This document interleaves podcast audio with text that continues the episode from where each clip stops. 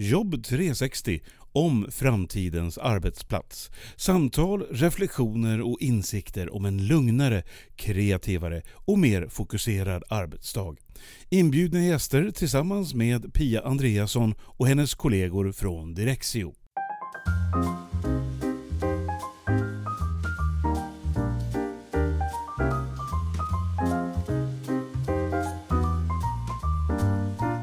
Vem har egentligen ansvaret för organisationen och kulturen på framtidens kontor? Det pratas mycket om det hybrida kontoret, att vi inte kanske kommer att vara på kontoret samtidigt. Men hur gör man då för att bygga en hållbar kultur? Vad behöver man fokusera på då? Det tänkte jag fråga Lisa Arnborg från Yes P. Hon och hennes kollegor jobbar med att hjälpa organisationer med just det här. Välkommen till Jobb 360!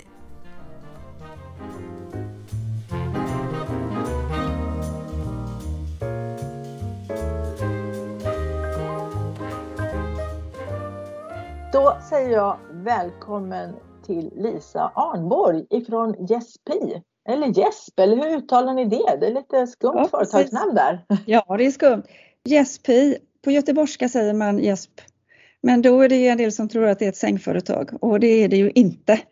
Utan yes, det står för det här, ja, vi gjorde det, alltså när vi gjort en härlig prestation. Och P står just för People Performance.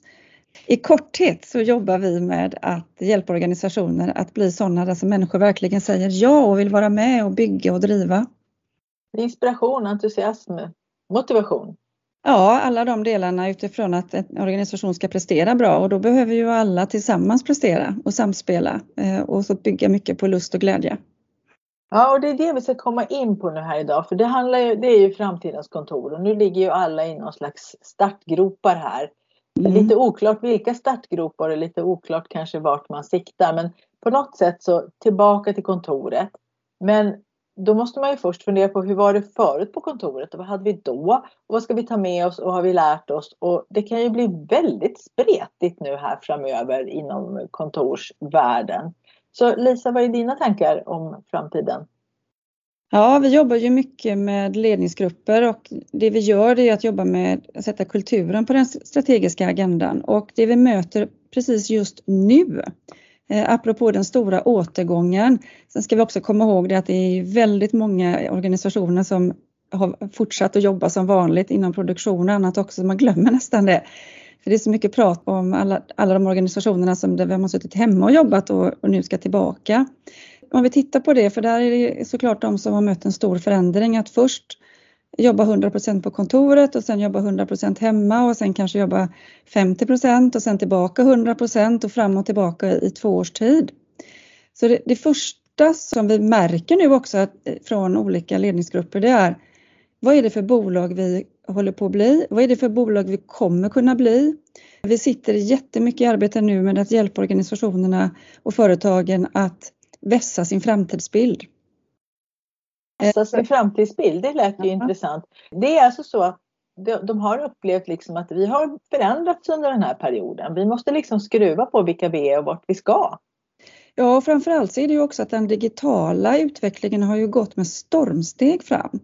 Och att vi ser att vi också har lyckats gå med stormsteg fram, men inte minst vi kunder inom vissa branscher då kräver och har vant oss vid digitaliseringen på ett annat sätt än tidigare, vilket ju gör att vi ställer ju krav på företagen på ett nytt sätt. Sen är det dessutom så, vet jag av erfarenhet när vi har jobbat mycket med ledare och i, i olika grupperingar i olika typer av företag, att de upplever att fokus har ju varit på att hjälpa personer som man leder att få sin vardag att funka hur går det? Hur mår du? Känns det ensamt? Eh, är det svårt? Eh, blir du sittande för länge? Glömmer du pausen? Hur lyckas vi ha digitala möten på ett bra sätt? Det är ju en kompetens i sig. En del har ju då svajigt nät och kan, kan de inte ha kameran på för det tar för mycket bandbredd. Så ser vi inte varandra helt enkelt för att det är för stökigt hemma eller att man inte har ett bra nät, helt enkelt internet. Och då har utvecklingsfrågorna fått läggas åt sidan och det är ju två års tid där vi inte har mött medarbetare så att man har kommit för långt ifrån helhetsbilden. Alltså hur bidrar vi till dit organisationen ska. Och nu då tillbaka till kontoret. Plötsligt kommer utvecklingsfrågorna på högsta prioritet. Och så har man inte riktigt varit van vid det. Sen är det ju dessutom så att många vill ju vara hybrida. Att man vill jobba hemma, som, precis som Emma så, så bra pratade om i förra avsnittet här, att, att det var ett experiment. Ja, precis. Ja, att det blir som ett stort experiment och det är klart att då måste man ju vara beredd på det. Så dels har vi hur ser omvärlden ut? Vad har vi för inspel där? Vad, händer där? Vad finns det för trender som vi behöver hantera? Som vi kanske har legat efter på i stort i den stora organisationen. Vi ska kunna möta ett experiment. Hur sjutton ska vi göra det? Och dessutom, som jag verkligen också håller med Emma i förra avsnittet, att det har blivit mina behov är viktiga. Mina egna behov, alltså egot har fått sig en boost. Och nu ska vi samspela om att hitta vägar till att nå framtiden. Då behöver vi vara väldigt skickliga på att samspela. Alltså, jag behöver ju förstå att jag är viktig för andra. Det är inte, att, inte först kanske vad jag själv vill utan vad vill ni utav mig?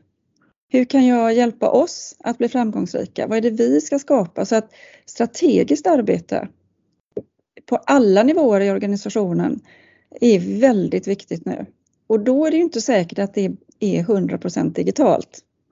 Utan vi vet ju från vissa studier att när vi möts, det är då en viss magi uppstår. Och när vi också möts framförallt tvärfunktionellt. Och det kan vara lika väl vid kaffeautomaten som på möten som organisationen ordnar. Att vi löser problem ihop, att vi uppfinner framtiden tillsammans och att vi också fortsätter träna våran förändringsmuskel. Träna förändringsmuskeln, men det lät ju bra. Mm. Och jag hörde också när du sa det här egofaktorn, det är ju väldigt spännande. Jag har inte tänkt så mycket på det förut men, men det är ju så att de som har trivts och suttit hemma och tyckt att mjukisbyxor är nu det nya plagget som man har varje dag och så har man kanske skaffat sig en covidvalp som precis har blivit rumsren och tränad som man vill hänga mycket med och gå lunchpromenader med och så vidare. Och då finns det ju en egofaktor att då vill ju inte jag kanske tillbaka till kontoret så mycket i synnerhet inte om kontoret kanske inte var så överdrivet kul innan heller. Då finns det ju inget att längta tillbaka till. Nej. Å andra sidan så finns det ju flera människor som tycker att det är dötråkigt att sitta hemma. Man, har, man får inte till någon bra fysisk miljö och det kan vara stökigt när barn kommer hem från skolan och allt möjligt. Man bara, åh vad skönt det ska bli att komma tillbaka till kontoret nu. Och så mm. tänker man sig kanske att det ska bli som innan då. Att man ska träffa alla kollegorna, kunna gå på lunch och så vidare. Och det går ju liksom inte att backa tillbaka till det. Så att båda de här två grupperna och alla däremellan behöver ju då närma sig varann. Och hur ser då den strategiska utmaningen ut som du ser för ledningsgruppen? Vad är det de måste kroka upp här? Ja, det som har blivit, och det har jag mött många ledningsgrupper i, för det har varit jättemycket diskussion kring detta. Det var det ju redan i våras när man då skulle tillbaka. Det var ju en stora återgången för ett år sedan också, fast sen fick vi ju backa rejält på det. Och det var ledarforum och det är väldigt viktigt då hur vi möts, hur, hur ska vi leda, hur ska vi kommunicera? Men så glömmer man ju prata, vad händer i omvärlden? Vad säger våra kunder? Vad är det för förändringar vi behöver göra för att motsvara eh, omgivningens och omvärldens krav? Vi måste ju starta där. Sen bygger vi våra arbetssätt. Sen bygger vi våra mötesstrukturer om vi kan styra dem själva. Nu har ju pandemin styrt. Alltså vad behöver vi göra? Hur behöver vi mötas för att ta fram och jobba utifrån vad marknaden och omvärlden, om det är brukare eller om det är kunder eh, som ska ta emot vårt jobb. Och hur kan vi använda eh, de trender och kundernas förväntningar i vårt förbättrings och utvecklingsarbete? Och sen lägger vi planen för hur vi ska mötas. Och så har vi också kulturen. Vilken kultur bygger vi? Vart ska kulturen luta så att säga? Hur ska vi utveckla den? Vad är det för styrkor vi har idag? Vad behöver vi förändra och utveckla? Jag tycker det är jätteintressant som tre till exempel då som säger vi ska vara på kontoret. Och vi har, vi har också kunder som vi jobbar med som säger kulturen byggs när vi möts fysiskt. Så vi vill ha främst fysisk närvaro på kontoren. Och jag tror också att det är ett experiment här där man får prova och utvärdera. Och vissa organisationer de säger det, alltså är du inte beredd att vara 100% på plats nu så kanske inte det här är ditt ställe. kreativitet och innovation är, är nyckelord för oss, det värdesätter vi högt och därför behöver vi mötas för, för det är det man tror kommer fungera. Men såklart, det är inte svartvitt. Vi har jobbat länge internationellt och det är ju förstås fantastiska digitala möten som absolut är kreativa och innovativa. Så det är ju inte liksom det ena eller det andra här utan man, men framförallt att vi hittar arbetssätten för att nå resultat. Jag tycker ibland att man missar det i diskussionen. Ja, också att man då anser man då, har man en sån tankegång att kreativitet och innovation då sker när vi träffas fysiskt, då behöver man ju vara tydlig med det så att rätt personer söker. Just det. Jag tänkte på det här som du sa, att det, det låter nästan som att vi har dels en egofaktor som rör var och en person, att man har blivit mer inriktad på att jag, mig och mitt då i mitt yrkesliv och, och så. Mm. Sen så har jag att det kan finnas en viss egofaktor i hela företaget också. Att man tittar mycket inåt och funderar på sina inre processer och hur vi ska lösa det här. Och nästan glömmer bort omvärlden. Är det, ja. är det så? Ja absolut och det finns ju studier som visar på det väldigt tydligt att högpresterande organisationer och företag de har en god balans mellan internt och externt fokus. Och det är en fråga man kan ställa sig nu. Har vi en bra balans mellan vårt interna och externa fokus? Och vad behöver vi för balans eller kanske snarare harmoni? För det kanske till och med inte är balans utan det till och med kanske nu är så att vi behöver lägga 70% externt och 30% internt. Gör vi det? Eller är ja, det tvärtom? Och, och vad leder det till? Jag tänkte på en sak du sa det där förut att kunder och andra har ju börjat förvänta sig andra saker av sin leverans. Och bara häromdagen så skulle jag eh, boka, boka ett bord faktiskt på en mm. restaurang. Det är ju så vi gör vi kan gå ut och äta. Och så. Och då funkade inte den länken. Jag kunde liksom inte, jag kom inte rätt. Och sen tänkte jag, jag får skriva i chatten till dem. Inte. Och så fanns det inget chattfält att skriva i. Jag bara, men hur ska jag nu komma i kontakt med de här? Ja, då kunde man mejla till dem. Jag bara, ja men jag får väl mejla då. Då kändes det som 1998 liksom fortfarande. Mm. Och det där förstår jag att jag hade inte alls tyckt att det var så konstigt för ett par år sedan. Mm. Men nu finns det ju chattfält överallt och man går in så dyker det genast upp någon liten gubbe i ena hörnet som säger ja, jag undrar något så kan du skriva här och så är det en sån här chattbot som berättar saker för en. Och det funkar ju hyfsat bra faktiskt. De kan ju rätt mycket de där bottarna och berätta olika saker för en och så vidare. Sen om det visar sig att det inte är rätt svar så får man chatta med en riktig människa.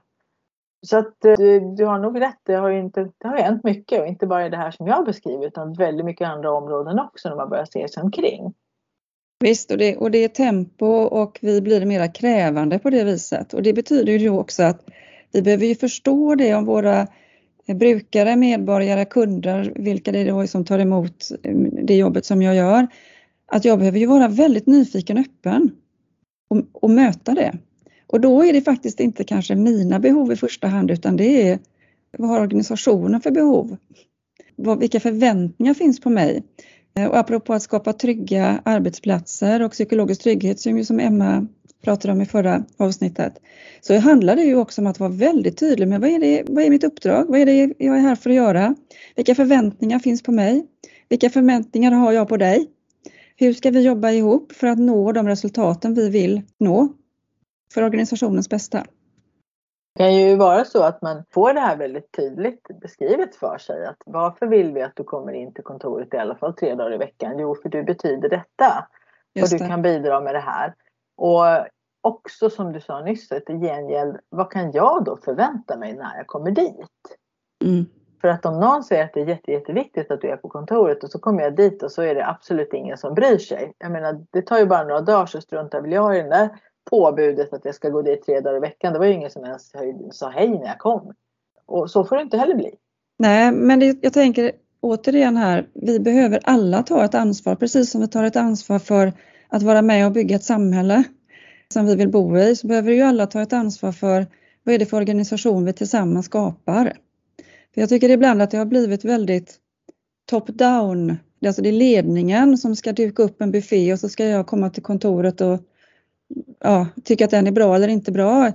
Vi behöver ha dialogen. Vad är det vi är här för att göra? Vad är det, vad är det, vad, vad är det vi skapar?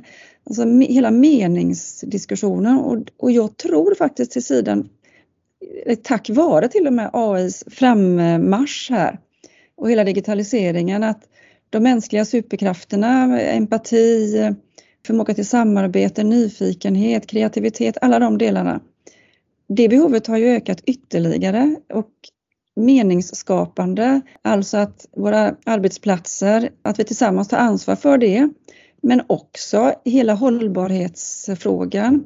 Och då är det ju inte bara miljön utan även den sociala hållbarheten, alltså allting, allting som är viktigt för oss och, och berör våra hjärtan, det är ju en superkraft. Och då kan det ju vara olika vad man har sitt hjärta. Jag menar man kan ju hoppas då liksom att de flesta människor är på rätt ställe. Att de som sitter på ekonomiavdelningen har ett hjärta för att hålla koll på pengarna och de, de som jobbar med kundkommunikation har ett, verkligen en vilja och en hjärta och förmåga att skapa tydliga budskap då som gör att kunderna eller medborgarna då får det de behöver då är det där du tänker att man ska betona det. Att helt enkelt att på det här sättet bidrar just du till att hela det här maskineriet funkar. Att belysa varje kugge i hjulet och också att man som själv då som kugge i hjulet ska kunna se det. Just det. Det är den här, en dubbelriktad ja, kommunikation som behövs då. Det spelar ingen roll om någon säger till mig att jag är viktig. Om jag inte tänker så själv så så blir det ju inget. Och tvärtom, om jag går omkring och tror att jag är viktig och ingen ens ler mot mig när jag kommer till jobbet så falnar ju den känslan ganska snart. Ja, och en annan viktig del som ju inte har blivit så stark nu när många har jobbat hemma, det är det som vi kallar för relationell koordinering. Det är alltså när jag tar beslut. Det kan ju till exempel vara, jag tar ett beslut av att jag vill vara hemma 100 procent. Nu hittar vi på bara, vi leker det. Mm. Eh, men då behöver jag förstå vilka konsekvenser ger det?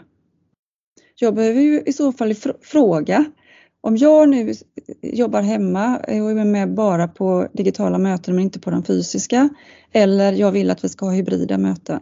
Hur påverkar det min arbetsgrupp eller de jag jobbar med? Ja, det är det inte säkert att man förstår själv. Faktiskt man inte, för jag kanske tycker att jag gör ju mitt jobb, jag sitter ju här men, men då kanske jag, som vi också pratade om med Emma, att man kan ju vara viktig som person. Mm. Eh, och sen kan ju olika människor värdesätta olika saker. Jag drar mig faktiskt till minnes mitt allra första jobb, eller ett av de första heltidsanställningarna jag hade. Så kom jag till jobbet varje dag, gick in och satte mig på mitt rum och började jobba med det som jag skulle göra. Och sen efter någon månad eller två så vart jag nedkallad till ett möte med en person till och en arbetsledare. Och då fick jag veta att det var alldeles fruktansvärt det här för jag tittade inte in till den här personen och sa hej på morgonen. Mm. Och det var ju totalt katastrofalt. Det hade ju inte jag förstått att det var så viktigt. Då tänkte jag sen efteråt, och många år senare, att hade, de hade ju bara kunnat berätta det för mig. Att, Sofia, det skulle vara jättetrevligt om du tittar in och säger hej så att jag vet att du är här. Och så om jag har någonting att berätta för dig så, så, så kan vi ta det på en gång. Det vore toppen. Det hade varit så enkelt att berätta det för mig istället för att kalla in mig till ett möte och säga att jag hade gjort jätte, jättedumt. Liksom. Mm. Så de små bitarna, behöver, ja. eller små små, det är viktiga små bitar som man behöver kommunicera med varandra. Ja, och organisationskultur handlar ju väldigt mycket om de små detaljerna. Många små detaljer som staplas på varandra. Och en viktig del som, precis som du säger, som kan tyckas nästan lite naiv, men den är otroligt viktig. Hur vi hälsar på varandra. Med vilket ansiktsuttryck. På vilket sätt vi inkluderar varandra, det skapar också trygghet. Alltså möts vi med öppet, vänligt ansikte. Det är ju som starten till ett kontor att längta till. Sen finns det ju många fler ingredienser såklart. Men på vilket sätt vi möts, på vilket sätt jag möter dig betyder jättemycket för det är ju den kulturen som jag bygger runt mig och som jag smittar dig med. Och där är vi alla jätteviktiga. Det låter nästan som du skulle skriva en bok bara om det. Att säga hej. Liksom så här. God morgon hälsning. Ska vi ha så här namaste med händerna tillsammans kanske för att inte ta i hand eller le och vinka eller, ja. eller så. Och det, hur man rör sig när man bara passerar varandra, vilket ansiktsuttryck man har. Jag antar att det också spelar stor roll. Såklart. Vi har ju, ja, jag ska inte gå in på hur hjärnan fungerar för det finns många andra som är extremt mycket bättre än vad jag är på det. Men vi tittar ju väldigt noga på, vi, vi är ju kopplade på att undvika faror, alltså vill vi undvika stränga, arga ansiktsuttryck. För då, då behöver vi försvara oss jämfört med ett lugnt och vänligt inbjudande ansiktsuttryck, då kan jag slappna av. Då är min kropp klar över att här, här kan jag vara mig själv. Här får jag ställa frågor. Jag tänker på psykologisk trygghet igen då, som Amy Edmondson säger att en arbetsplats ska ju vara sån så att jag känner att min åsikt räknas. Eh, och då behöver vi ju lyssna väldigt mycket på varandra och det handlar otroligt mycket om hur vi möts då. Så det här med kultur, apropå att bygga en kultur som är högpresterande, det är, det är komplext och det är många ingredienser. Men det kan också vara ganska enkelt. Och där kanske ledningen ändå får kliva in och fundera på den saken och sen bygga det från sina egna personer. För att hur en chef agerar, det kan ju verkligen få väldigt stora effekter i en organisation. Så att även om ledningen inte ska sätta sig och dra upp och tala om hur strategin ska se ut så har de ju ett stort ansvar i sitt agerande. Ja, kommunikation är enormt viktigt och vi är ju våra relationer och så är det även i en organisation. En organisation är sina relationer. Så gör man kulturanalyser har vi ju alltid med intervjuer också för att liksom höra hur, hur känns det att vara här? Hur upplever människor det? Nu ska man alltså återskapa någon typ av känsla och upplevelse på kontoren men det kommer inte att bli som innan därför att vi kommer inte tillbaka till samma plats. Just det. Eh, och då tänker du att det är viktigt att var en person beaktar liksom det. Vad, vad kan jag bidra med när jag kommer in till ja. kontoret? Jag tror också att en sak som vi ibland glömmer av och jag brukar ta jämförelsen med människor som jobbat utomlands. Vi säger att man flyttar till Hongkong och vi förbereder oss. Har man barn med sig så har man förberett sig på vilka skolor ska de gå. Någon kanske, man kanske till och med åker dit några gånger för att titta på var man ska bo. Hur funkar det med transporter? Vad ska den respektive göra? Hur ska det gå för barnen? Ja, man förbereder sig på den här förändringen som ska komma och läser på, lär sig, läser på om kulturen, ja, vad det nu är. Och sen ska man flytta hem. Och då flyttar man bara hem. Och jag vet inte hur många experts jag har träffat eh, som har kommit tillbaka till Sverige, flyttat in i sitt hus eller sin lägenhet igen och det fungerar överhuvudtaget inte. Man tror att liksom det är precis som det var innan, men man själv har förändrats. Och som det var innan så är det inte samma. Grannarna har bytts ut eller man har fått ett till viss del annat jobb och man har fått nya vanor där man var när man jobbade innan Eh, och barnen har tappat kontakten med några av sina kompisar. Man kan liksom inte bara plocka upp dem efter två, tre år och låtsas som inget har hänt, för det har det ju. Och så är man inte alls förberedd på det. Och jag tänker när vi går tillbaka nu, ja men man har fått nya vanor. Arbetsplatsen är på ett annat ställe, organisationen är på ett annat ställe, vi har nya eh, konkurrenter, vi har ny konkurrens kanske, nya utmaningar. Men så tror man liksom att det ska vara som det var innan. Men det kommer det inte bli, precis som du säger. Utan vi måste liksom förstå att ja, men vi skapar något nytt nu, apropå förändringsmuskel. Och vad är det då vi ska skapa? Vilken organisation kan vi bli? Så jag tror vi ska inte underskatta förändringsarbetet här. Det verkar ju precis som jag har ju precis börjat gå till gymmet här nu igen och har ju fruktansvärt träningsverk och så vidare. Och jag tänker ju på mig själv då. Nu när jag sätter igång här igen och eh, startar upp efter pandemin och så. Så det är samma sak. Jag har ju blivit två år äldre i kroppen. Jag kanske har mm. andra mål med min träning och så vidare och så vidare. Jag får ju liksom tänka om helt enkelt. Vilka tider ska jag gå till gymmet? Ska jag ta det på kvällar eller funkar det bättre att ta ett lunchpass? Hur ser mitt jobb ut nu och så? Mm. Så det är ju egentligen samma situation som man kanske befinner sig i privat nu efteråt som man gör på kontoret. Man får helt enkelt skapa en ny verklighet utifrån det som är nu. Och det är klart att det kan ju vara läskigt för några och jättespännande för andra så det gäller ju att mötas i det här på ett bra sätt. Om du skulle ge ett råd nu här till en helt vanlig medarbetare som kanske lyssnar på podden. Nu ska man tillbaka till kontoret till viss del och så vidare. Några saker som du tycker att den personen ska tänka på och ta med sig? Jag, jag tänker så här, ställ en fråga till sig själv och till sin arbetsgrupp. Hur gör jag det här bäst nu då? Vad behöver jag? Vad behöver jag göra? Och hur gör vi det här bäst nu? Och vad behöver vi då göra? De enkla frågorna helt enkelt. Och man, man utgår ifrån att nu är det faktiskt något nytt, ett nytt sammanhang. Och det är där utifrån man ställer de frågorna till sig själv och till gruppen. Är det bra då om man liksom har ett tänk med sig att det här tänker jag att jag bidrar med och så kollar man med kollegorna om, de, om, det, om man har fattat rätt. För är det så att man var den som alltid tog med bullar på, till fikat som jag pratade med Emma om förra gången då. Vill ni mm. att det ska fortsätta med det eller har ni lagt på er 15 coronakilon allihopa och vill inte ha några bullar? Kanske, kanske inte är de där bullarna som jag ska bidra med längre utan det kanske var något annat. Och om man är chef för en grupp då, då, är det då att initiera det här samtalet? Det tycker jag absolut jätteviktigt. Att gå tillbaka till vanligt strategiskt arbete utifrån sin affärsplan och så vidare. Vad ska vi vara i december? Var är vi då i juni? På vilket sätt ska vi mötas? Hur behöver vi följa upp att vi är på rätt väg? Laganda, spelregler, alltså alla de här klassiska viktiga frågorna. Hur gör vi det här bäst tillsammans? Alla när... de ska upp på bordet nu igen alltså och knådas om. Alltså eh, möts i de samtalen och det kan vara ganska lite tid men den är väldigt välinvesterad. En tråd i taget helt enkelt att dra i. Ja, men, men alltså börja, vad är, det, vad är det för resultat vi ska nå? Vi måste ju börja där, vad är vårt uppdrag? Hur vet vi att vi har lyckats med det i december 2022? Alltså en, riktigt, en riktigt tydlig målbild helt enkelt. Ja, och lika mycket på kulturen. En sak som jag tänkte på det är att många har haft sådana här check-in-möten på morgnarna. Och det är väldigt väl förekommande och vissa säger till och med att de träffar ju kollegorna och ser dem mer nu än vad man gjorde förut. För att man träffas varje morgon eller måndag, onsdag, fredag och har ett, ett kort möte där man stämmer av hur mår vi och vad händer och så vidare. Man tar det här nästan fikasnacket. Eh, berättar om vad man gjorde i helgen och så vidare. Den kulturen behöver man ju också bygga vidare på om man nu har skapat någonting att vi ses varje morgon och säger hej och berättar saker. Det kanske man vill göra även på kontoret.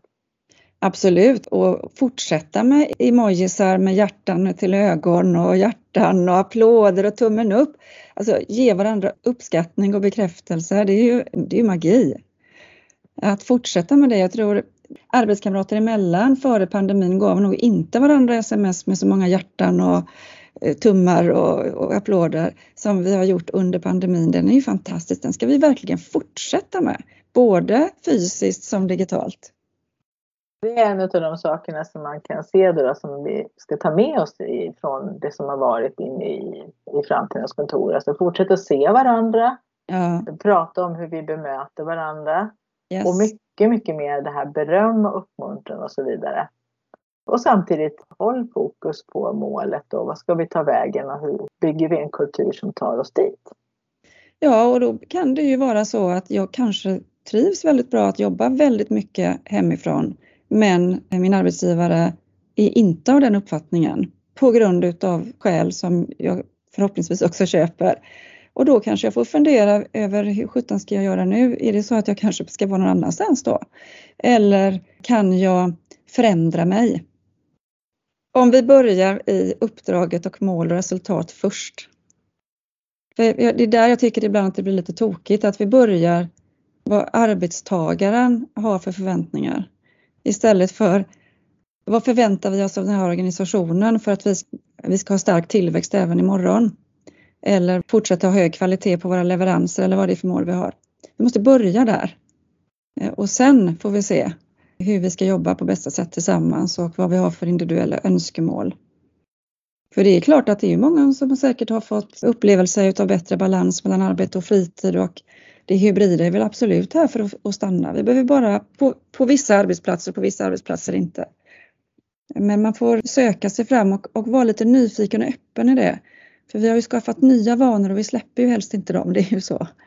Absolut. Vad man inte köper det är liksom, nej, jag, jag vill att du ska göra så här för att jag har bestämt så. Alltså man mm. köper inte det. Det, det. det lockar fram liksom den här truliga femåringen i oss som säger nej, jag vill inte. Det blir inget bra samtalsklimat. Nej, men om man får veta att man är viktig, att man betyder någonting, det är ju väldigt, väldigt positivt för de allra flesta människor.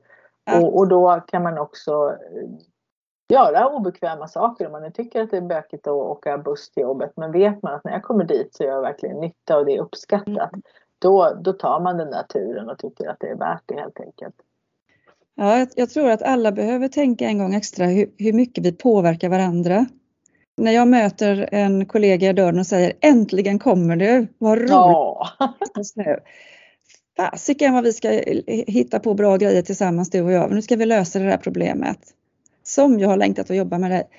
Alltså att när man verkligen, och så får det komma från hjärtat förstås, men då, då bygger vi arbetsplatser där vi verkligen kan prestera tillsammans. Mm, vad härligt att möta, möta sin kollega och sina medarbetare med ett stort leende och säga Åh vad roligt att du är här. Kanske ska ha den där dagissången. Du, jag vet inte om du har hört den. Och Lisa är här och Pia är här. Den kanske vi måste ta in. Ja, eller hur? Varför inte? Så vi får skratta tillsammans. Och, och liksom, men det gör man ju då på förskolan för att alla ska bli sedda. Och att man ska visa att nu är vi här allihopa tillsammans. Och det är de sakerna vi behöver. Men just det här att se varandra är superviktigt. Ja, och det är ju faktiskt utmärkande för högpresterande gruppkulturer. Det finns en jättebra bok som heter The Culture Code eh, där man har tittat på högpresterande team från alla möjliga branscher. Och när man kokar ihop det så är det bland annat precis det här du säger och det är faktiskt svårt att göra digitalt.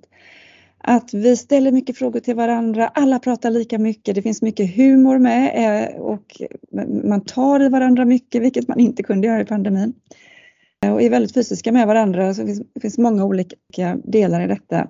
Alltså hur man känner igen hur en grupp liksom verkligen kommer att prestera. Så ligger det mycket i den här glädjen, prestationsglädjen. Och där behöver vi ses fysiskt. Mm, vi slutar med det tycker jag, att man behöver faktiskt träffas fysiskt och lösa de bitarna för att man ska kunna samverka och bygga den här trygga och bra stämningen som kan ta oss framåt. Så jag säger tack till dig Lisa för att du ville tack vara med i podden. Jag hoppas att vi, vill ha, vi får höras framöver någon gång. Ja, gärna. Bra, vi säger så. Tack ska du ha. Ja, tack. Hej.